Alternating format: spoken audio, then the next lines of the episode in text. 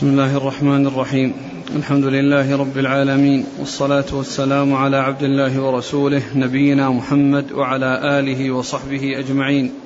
قال الإمام الحافظ ابن ماجه القزويني رحمه الله تعالى قال في سننه في باب فضائل أصحاب رسول الله صلى الله عليه وسلم فضائل أبي بكر فضائل أبي بكر الصديق رضي الله عنه وذكر أحاديث قال حدثنا علي بن ميمون الرقي قال حدثنا سعيد بن مسلمة عن إسماعيل بن أمية عن نافع عن ابن عمر رضي الله عنهما أنه قال خرج رسول الله صلى الله عليه وعلى آله وسلم بين أبي بكر وعمر رضي الله عنهما فقال هكذا نبعث.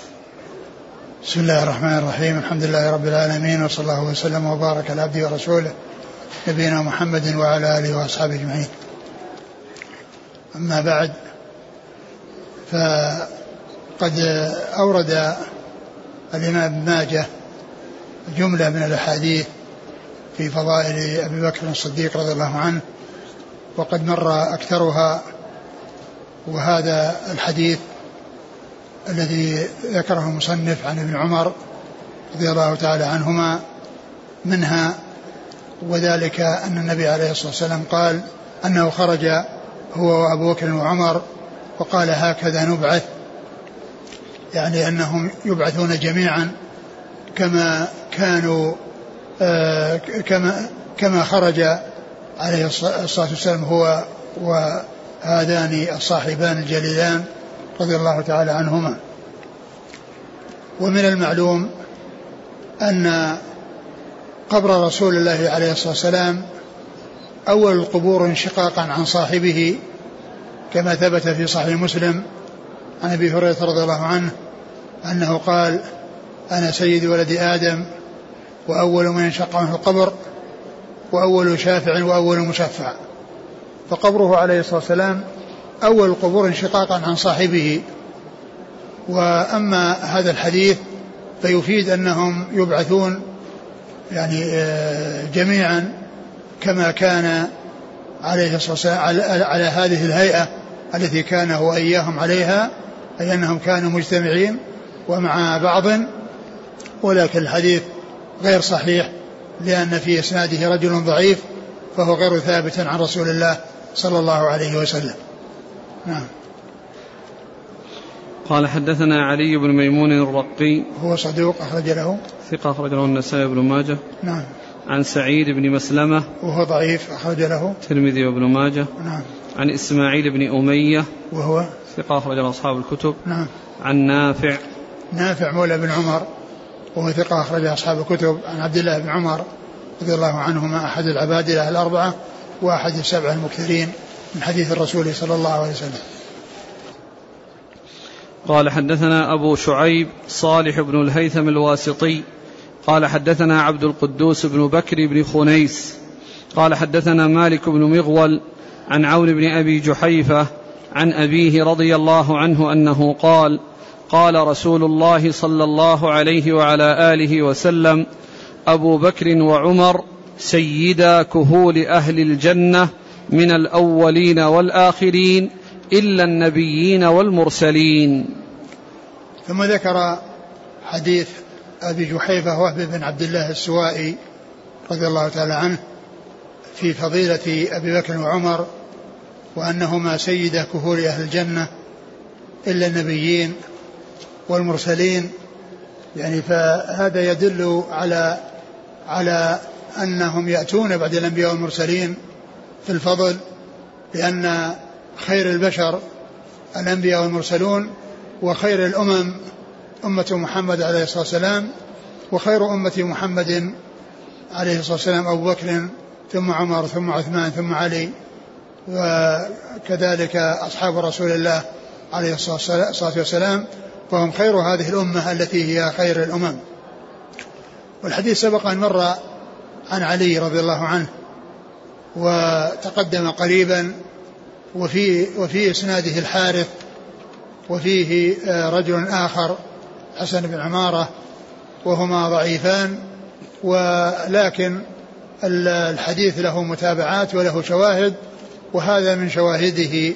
وأما متابعته فإنه قد جاء آه، عن زر بن حبيش آه، يروي عن علي رضي الله عنه فيكون آه، حديث علي فيه متابع فيه فيه متابعات وفيه شواهد.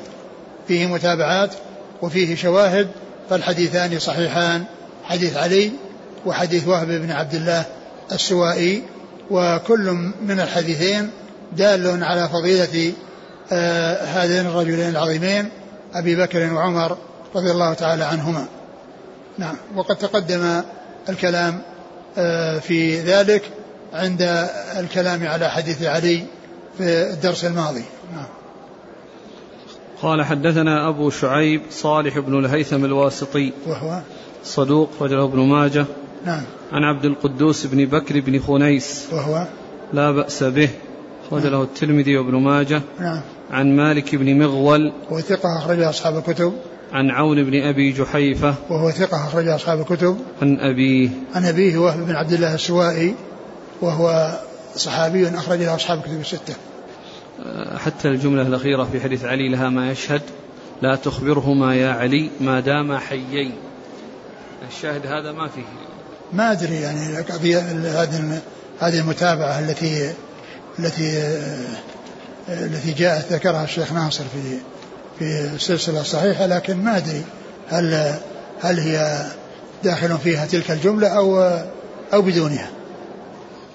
قال حدثنا أحمد بن عبدة والحسين بن الحسن المروزي قال حدثنا المعتمر حدثنا المعتمر بن سليمان عن حميد عن أنس رضي الله عنه أنه قال قيل يا رسول الله أي الناس أحب إليك؟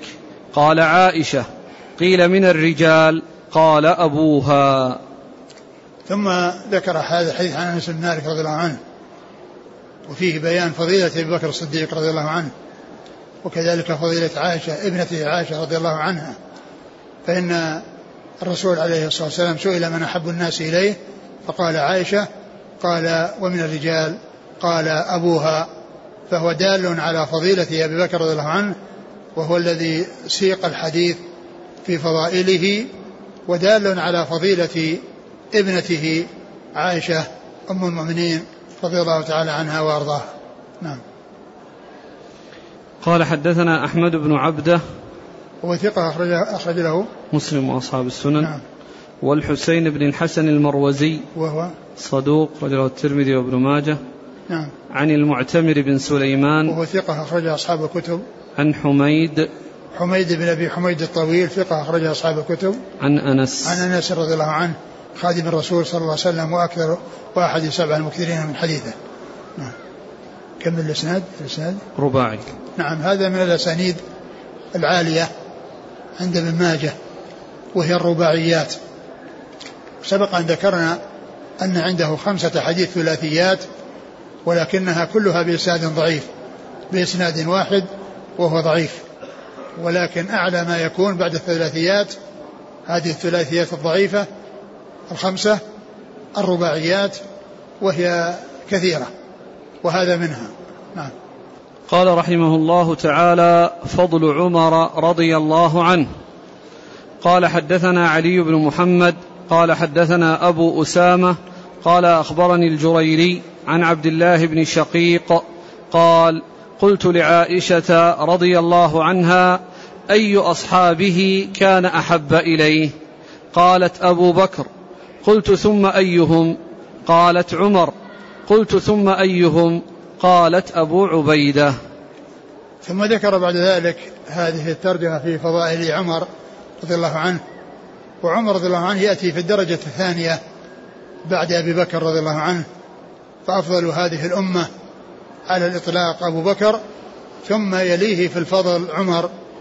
ثم يليه بالفضل عثمان ثم يليه بالفضل علي وهؤلاء الأربعة الخلفاء الراشدون آه، مرتبون في الفضل على حسب ترتيبهم بالخلافة. و وقد مر في آه، فضائل أبي بكر أحاديث فيها فضائل لعمر لأن فيه ذكر أبي بكر وعمر. ف يعني من الأحاديث التي مرت ومنها حديث علي وحديث وحديث أبي جحيفة اللي قال أبو بكر وعمر سيد كهول الجنة. فهو دال كما أنه دال على فضيلة عمر فضيلة أبي بكر. أيضا هو دال على فضيلة عمر. فيكون يعني ما بعض الأحاديث التي جاء جاءت في فضائل أبي بكر مشتملة على على فضائل لعمر رضي الله عنه.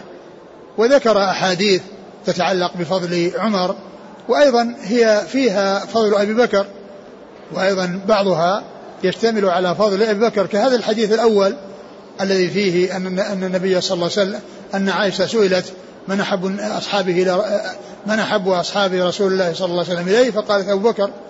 ثم قيل ثم ثم قال ثم عمر. قيل ثم قالت أبو عبيدة. أما أبو بكر وعمر فهذا أمر واضح وقد أجمع عليه المسلمون وجاءت الأحاديث الكثيرة الدالة على فضلهما وتقدمهما على غيرهما ومن ذلك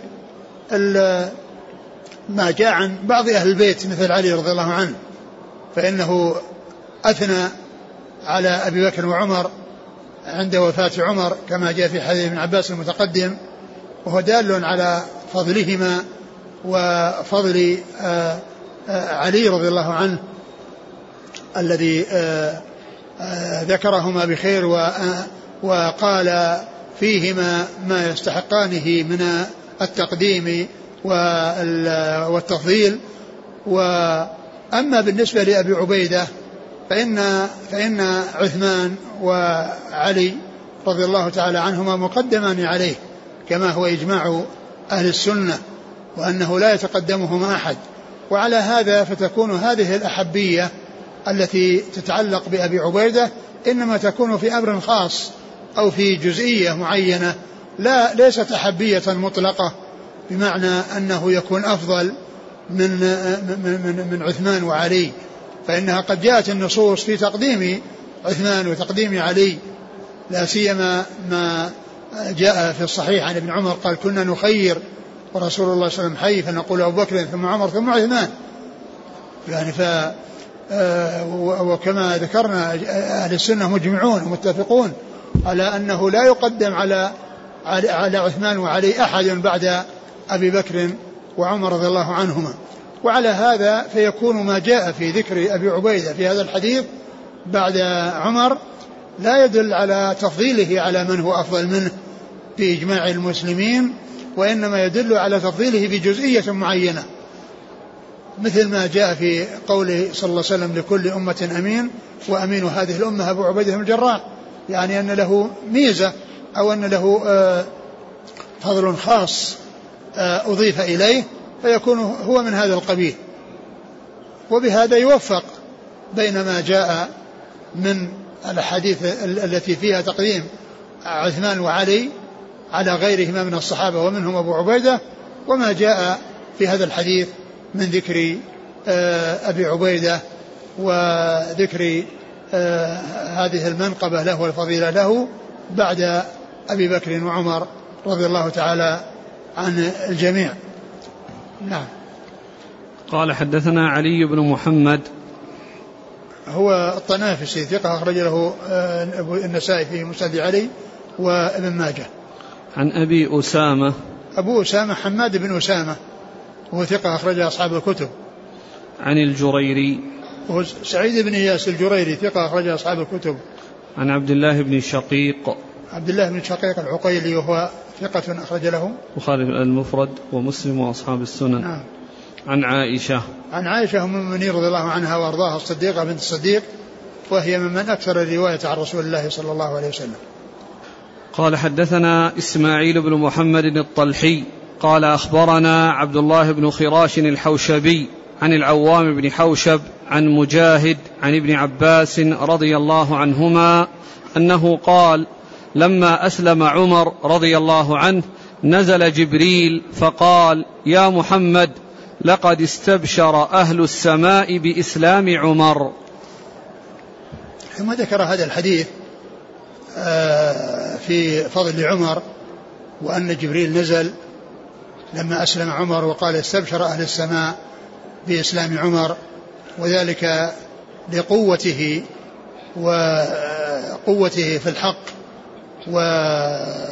وصلابته فيه فاستبشروا لإسلام من يكون في إسلامه عز للإسلام ونصرة لدين الله عز وجل. هذا هو معنى الحديث ولكن الحديث ضعيف لأن فيه رجل ضعيف. نعم. قال حدثنا إسماعيل بن محمد الطلحي وهو صدوق أخرج له. ابن ماجه. نعم. عن عبد الله بن خراش الحوشبي. وهذا ضعيف أخرج له. ابن ماجه. نعم. عن العوام بن حوشب. وهو ثقة. أخرج أصحاب الكتب. أخرج أصحاب الكتب نعم. عن مجاهد. مجاهد بن جبر ثقة أخرج أصحاب الكتب. عن ابن عباس. عن ابن عباس رضي الله عنهما أحد العبادلة وأحد السبع المكثرين من حديث رسول صلى الله عليه وسلم.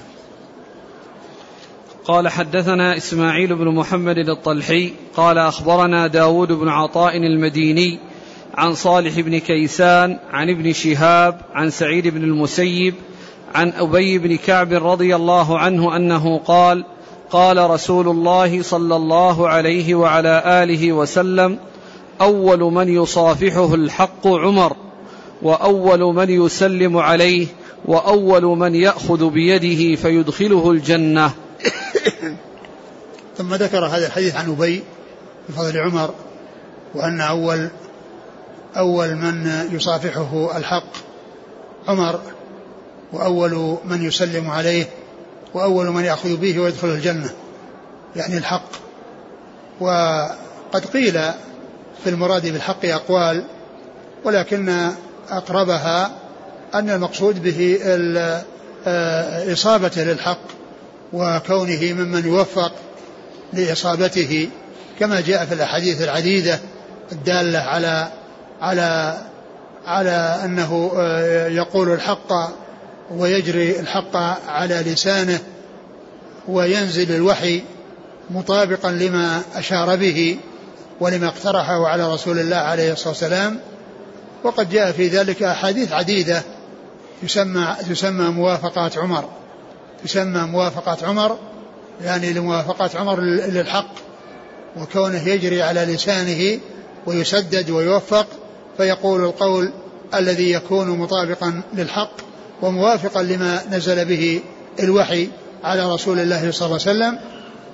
وجاء ذلك في أحاديث عديدة أو في قضايا عديدة مثل آآ آآ مسألة الحجاب لزوجة الرسول صلى الله عليه وسلم واقتراحه في ذلك وكذلك اتخاذ مقام إبراهيم مصلى وكذلك أيضا في اسارى بدر وكذلك أيضا في قضية الطاعون الذي أصاب الشام وقد ذهب إلى الشام رضي الله عنه ولقيه أبو عبيدة وأمر إلى جناد وكان الطاعون قد وقع قد وقع في الشام. فاختلف أصحاب الرسول عليه الصلاة والسلام على على جماعتين.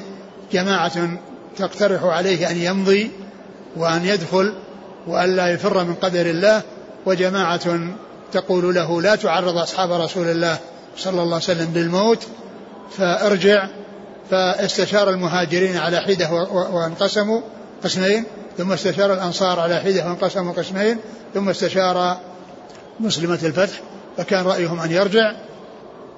ثم إنه اختار الرجوع. اختار الرجوع وقال إني مصبح على ظهر يعني إذا أصبحت سأرجع. فكان أبو عبيدة ممن يرى عدم الرجوع وقال أتفر من قدر الله يا أمير المؤمنين؟ قال لو غيرك قالها يا أبا عبيدة نفر من قدر الله إلى قدر الله. نفر من قدر الله إلى قدر الله. ثم إن عبد الرحمن بن عوف ما كان موجودا كان معهم في السفر ولكنه ما كان موجودا عند المحاورة والمساءلة والاستشارة. فلما جاء وعلم بالذي حصل قال عندي فيها علم عن رسول الله صلى الله عليه وسلم. عندي فيها علم عن رسول الله صلى الله عليه وسلم. قال عليه الصلاة والسلام إذا وقع الطاعون وأنتم في بلد فلا تخرجوا فرارا منه. وإذا وقع في فيها فلا تدخلوا عليه.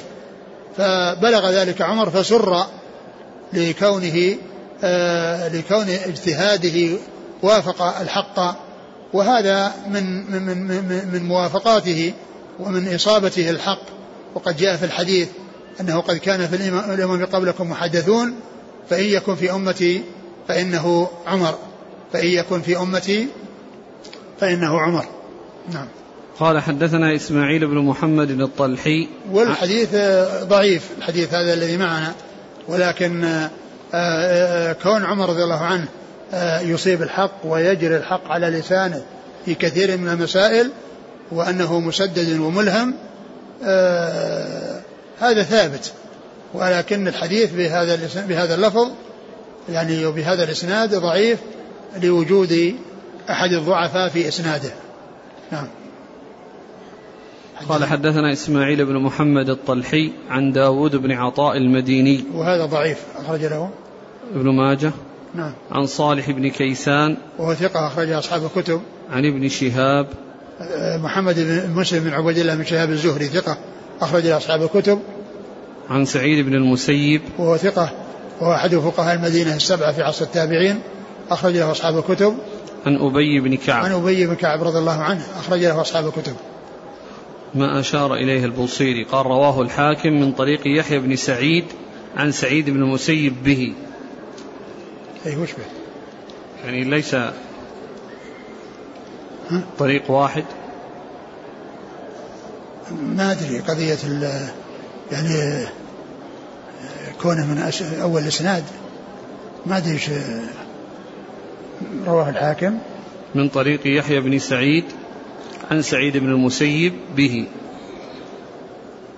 ما أدري ما راجعته يعني هل هل الإسناد آه، في الأول أو أن فيه إسناد أو أن إسناد آخر غير الإسناد الأول وانهما يتلاقيان هنا؟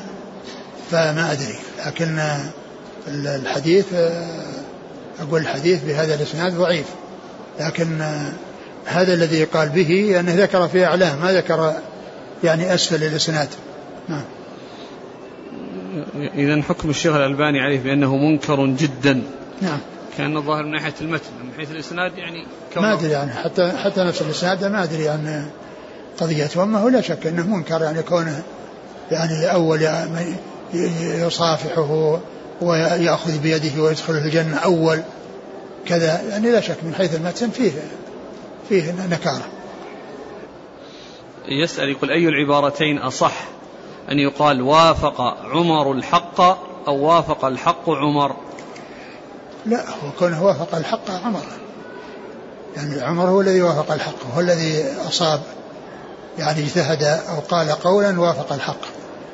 وكذلك أيضا يعني كونه قال الشيء أولا ثم نزل الوحي بموافقته لكن هم يسمونها موافقات عمر.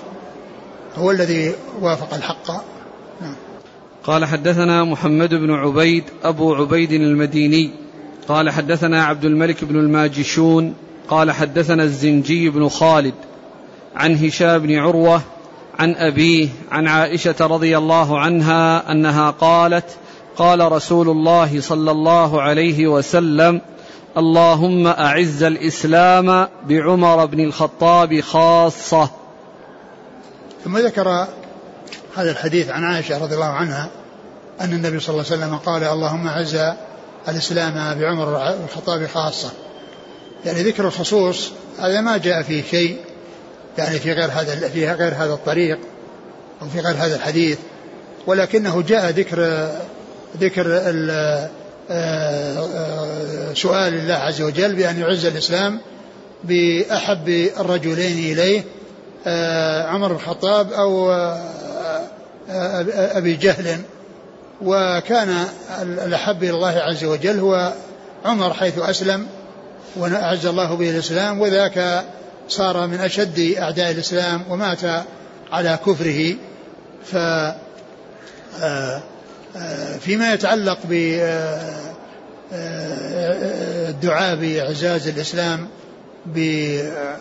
بعمر بن الخطاب ومعه غيره جاء في أحاديث متعددة وطرق متعددة ومن أحسنها ما جاء عن ابن عمر الذي فيه أحبهم عند الترمذي. اللهم أجد الإسلام وانصر الإسلام بأحد بأحب الرجلين إليك فلان وفلان.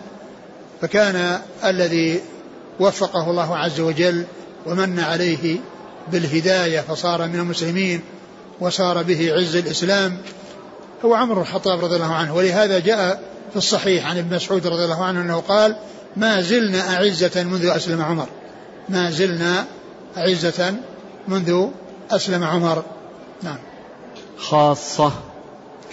كلمة خاصة يعني وحده يعني آه يعني ليس معه أحد ولكن الحديث الذي ورد فيه آه ذكر الاثنين فكان أن الله عز وجل آه وفق عمر لأن يكون هو الرجل الذي آه آه وفقه الله عز وجل من بين الرجلين ليكون عزا للإسلام.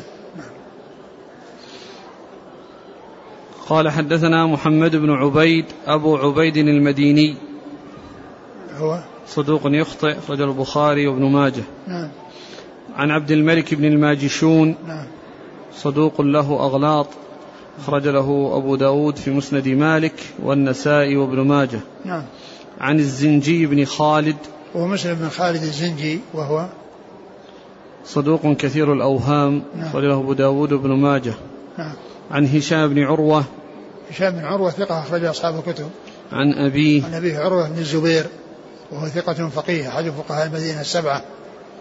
أخرج أصحاب الكتب. عن عن عائشة عائشة رضي الله عنها. نعم. قال حدثنا علي بن محمد قال حدثنا وكيع قال حدثنا شعبة عن عمرو بن مرة عن عبد الله بن أبي سلمة. بن سلمة المرادي. عن عبد الله عن- بن سلمة. عن عبد الله بن سلمة قال سمعت عليا رضي الله عنه يقول خير الناس بعد رسول الله صلى الله عليه وسلم أبو بكر وخير الناس بعد أبي بكر عمر. ثم ذكر هذا الحديث عن علي رضي الله عنه في أن النبي صلى الله عليه وسلم قال خير الناس أبو بكر وخير الناس بعد أبي بكر عمر وهو دال على فضيلة أبي بكر ثم عمر رضي الله تعالى عنهما. وفي الصحيحين عن عن علي أن ابنه محمد بن حنفية سأله قال من من خير الناس؟ يعني بعد الرسول صلى الله عليه وسلم فقال أبو بكر قال ثم من قال عمر قال فقلت ثم أنت؟ قال ما أنا إلا رجل من المسلمين. والحديث هذا يعني فيه آه، ذكر آه، علي رضي الله عنه آه، لتفضيل الاثنين وكون الأول هو الأفضل ثم الثاني يليه وهو مطابق وموافق لما جاء في الصحيحين. من سؤال ابنه محمد بن حنفية وإجابته بتقديم أبي بكر ثم عمر رضي الله تعالى عنهما. قال حدثنا علي بن محمد عن وكيع وكيع بالجراح الرؤاسي الكوفي ثقة أخرج أصحاب الكتب. عن شعبة شعبة بن الحجاج الواسطي ثم البصري ثقة أخرج أصحاب الكتب. عن عمرو بن مرة وهو ثقة أخرج أصحاب الكتب. عن عبد الله بن سلمة وهو صدوق تغير حفظه أخرج له أصحاب السنن. نعم. عن علي. علي بن أبي طالب رضي الله عنه أمير المؤمنين ورابع الخلفاء الراشدين الهاديين المهديين صاحب المناقب الجمة والفضائل الكثيرة وحديثه عند أصحاب الكتب الستة. قال حدثنا محمد بن الحارث المصري قال أخبرنا الليث بن سعد قال حدثني عقيل عن ابن شهاب قال أخبرني سعيد بن المسيب أن أبا هريرة رضي الله عنه قال كنا جلوسا عند النبي صلى الله عليه وعلى آله وسلم. قال بين أنا نائم رأيتني في الجنة فإذا أنا بامرأة تتوضأ إلى جنب قصر. فقلت لمن هذا القصر؟ فقالت لعمر. فذكرت غيرته فوليت مدبرا. قال أبو هريرة فبكى عمر رضي الله عنه فقال عليك بأبي وأمي يا رسول الله أغار. ثم ذكر هذا الحديث عن أبي هريرة رضي الله عنه في فضل عمر بن الخطاب رضي الله عنه وذلك أنه رأى في المنام أنه دخل الجنة ورأى فيها امرأة تتوضأ عند قصر فسألها عن صاحب القصر فقال عمر فقالت عمر وكان أراد أن يدخله فذكر غيرته وولى مدبرا ولم يدخله وأخبر بذلك آه، الحاضرين من أصحابه وفيهم عمر فبكى عمر يعني فرحا وسرورا بهذا بهذه الفضيلة وقال عليك أغار يا رسول الله بأبي بأبي عليك أغار أي أنت مفدي بأبي ليس حلفا وإنما هو تفدية. فقال عليك أغار يا رسول الله يعني يعني وكل خير حصل لي إنما هو بسببك وبالخير الذي ساقه الله على يديك لأن نعمة الإسلام لكل مسلم ساقها الله له على يدي الرسول صلى الله عليه وسلم فهو الذي جعله الله سببا لدخول الناس في الإسلام حيث أرسله إليهم رحمة للعالمين ودعاهم فمن استسلم وانقاد فقد آه، ظفر بهذه النعمة العظيمة التي ساقها الله له على يدي الرسول صلى الله عليه وسلم. وقوله تتوضأ عند قصر وقيل معنى ذلك أنها تتوضأ يعني أن هذا من الوضاءة والجمال والحسن وقيل إنها تتوضأ يعني وأنه وضوء يعني حقيقي وأن ليس المقصود من ذلك إزالة يعني أوساخ وما إلى ذلك كما يحصل في الدنيا وإنما هذا لزيادة الكمال وزيادة ال وزيادة الفضل وقيل إن هذه رؤيا ورؤيا المنام قد تكون حقيقة مطابقة لما رؤي في المنام وقد تكون آه، على سبيل ضرب المثال على سبيل ضرب المثال وأن يكون المقصود من ذلك أن كثرة الوضوء وكثرة التطهر في الدنيا آه، آه، ينتج ويثمر دخول الجنة وأن يكون آه، من كان كذلك يكون من أهل الجنة. ومن المعلوم أن الرؤى المنامية منها ما يكون مطابقا لما رؤي لما حصلت فيه الرؤيا ومنها ما يكون على سبيل التمثيل. وصاحب يوسف الذين الذين رأيا الرؤيا في السجن آه، شاهدان على هذا التفريق والتفصيل لأن أولهما أو أحدهما كان رأى أنه يعصر خمرا وصارت وصارت الحقيقة أو تعبيرها أنه يعصر خمرا. فصار ما رؤي في المنام مطابقا لما ما رؤي في اليقظة مطابق في المنام في اليقظة مطابق لما حصل في اليقظة. أو ما حصل في المنام حصل في اليقظة آه تماما. وأما الذي يحمل فوق رأسه خبز ما كان يحمل خبزا ولكنه يصلب. ف آه، يعني آه تأتي الطير وتنزل على على رأسه وعلى مكان قطع رأسه فتأكل منه. فصار هذا على سبيل التمثيل وليس على سبيل الحقيقة أنه يحمل فوق رأسه خبز. تأكل الطير منه وهو يمشي أو واقف.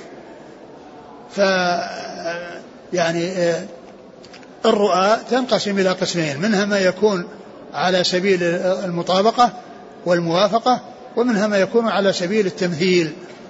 والحديثان آه، والآية, والآية الكريمة في صاحب يوسف هي فيها المثال لهذا ولهذا. و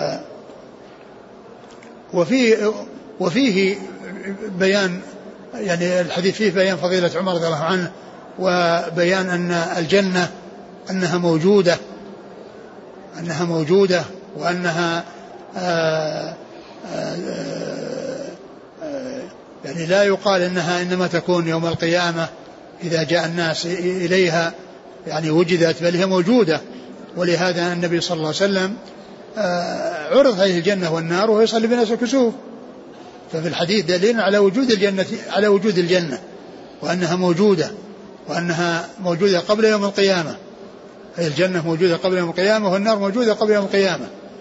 والمنعم منعم بنعيم الجنة وهو في قبره والمعذب معذب وهو بعذاب النار وهو في قبره. أقرأ الحديث. قال كنت بينما. بين أنا نائم رأيتني في الجنة فإذا أنا بامرأة تتوضأ إلى جنب قصر فقلت لمن هذا القصر؟ فقالت لعمر فذكرت غيرته فوليت مدبرا. قال أبو هريرة فبكى عمر رضي الله عنه فقال عليك بأبي وأمي يا رسول الله أغار؟ يعني عليك أغار وأنت مفدي بأبي وأمي وأنت مفدي بأبي وأمي كيف أغار وأنت الذي ساق الله لي كل خير على يديك وهداني لله هداني هداني الله للإسلام بسببك وبدعوتك وبرسالتك. فكل ما حصل لي من خير فإنما الله قد جعلك سببا فيه. آه، صلوات الله وسلامه وبركاته على رسوله ورضي الله تعالى عن عمر وعن الصحابة أجمعين. نعم. قال حدثنا محمد بن الحارث المصري. صدوق أخرج له. ابن ماجه. نعم. عن الليث بن سعد. الليث بن سعد المصري ثقة أخرج أصحاب الكتب. عن عقيل. عقيل بن عقيل بن خالد بن عقيل وهو ثقة أخرج أصحاب الكتب. عن ابن شهاب عن سعيد بن المسيب عن أبي هريرة. رضي الله تعالى عنه وقد مر ذكرهم. وهذا الإسناد فيه ثلاثة في أسفله مصريون. مصريين وثلاثة في أعلاه مدنيين. فالحارث هو شو اسمه؟ الحارث والليث الحارث والليث وعقيل. هؤلاء مصريون وابن شهاب وسعيد المسيب وأبو هريرة مدنيون. نعم. قال حدثنا أبو سلمة يحيى بن خلف قال حدثنا عبد الأعلى عن محمد بن إسحاق عن مكحول عن غضيف بن الحارث عن أبي ذر رضي الله عنه أنه قال سمعت رسول الله صلى الله عليه وعلى آله وسلم يقول إن الله وضع الحق على لسان عمر يقول به. ثم ذكر حديث أبي ذر رضي الله عنه إن الله وضع الحق على لسان عمر يقول به. وهذا آه هو الذي ثبت أو هذا مما ثبت في آه كون عمر رضي الله عنه يصيب الحق وأنه يجري الحق على لسانه وأنه يقول به فيكون آه، قوله مطابقا للحق الذي جاء به الوحي آه، جاء به جبريل إلى رسول الله عليه الصلاة والسلام. وهذا مثل قوله قد كان في الأمم المحدثون فإن يكن في أمتي فإنه عمر. يكن في أمتي فإنه عمر و و آه، وقد ذكرنا في الحديث الأول آه، آه، موافقات عمر وبعض أو بعض موافقات عمر التي قالها وكان موافقا للحق فيها. إن الله قد وضع الحق على لسان عمر يقول به. نعم. طيب بعده. قال حدثنا أبو سلمة يحيى بن خلف. وهو صدوق له مسلم وأبو داود والترمذي وابن ماجه. نعم. عن عبد الأعلى. عبد الأعلى بن عبد الأعلى وهو ثقة أخرج أصحاب الكتب. عن محمد بن إسحاق. محمد بن إسحاق المدني صدوق أخرجه البخاري تعليقا ومسلم وأصحاب السنن. وقد روى بالعنعنة وهو مدلس. ولكن الحديث جاء في مسند الإمام أحمد من طريق آه من, من, من, طريق أخرى يعني آه، غير طريق آه، آه، محمد بن إسحاق فتكون يعني مقوية لها وزائلة ومزيلة ما يخشى من التدليس لأنه قد توبع ولم ينفرد بهذه الرواية بل توبع كما في مسند الإمام أحمد. نعم. عن مكحول عن مكحول وهو ثقة؟ أخرج له البخاري في القراءة ومسلم وأصحاب السنن. نعم. عن غضيف بن الحارث. غضيف هو؟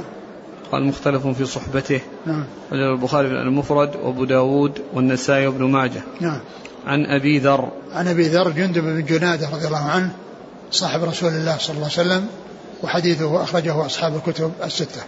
قال رحمه الله تعالى فضل عث والله تعالى أعلم وصلى الله وسلم وبارك على عبده ورسوله نبينا محمد وعلى آله وأصحابه أجمعين.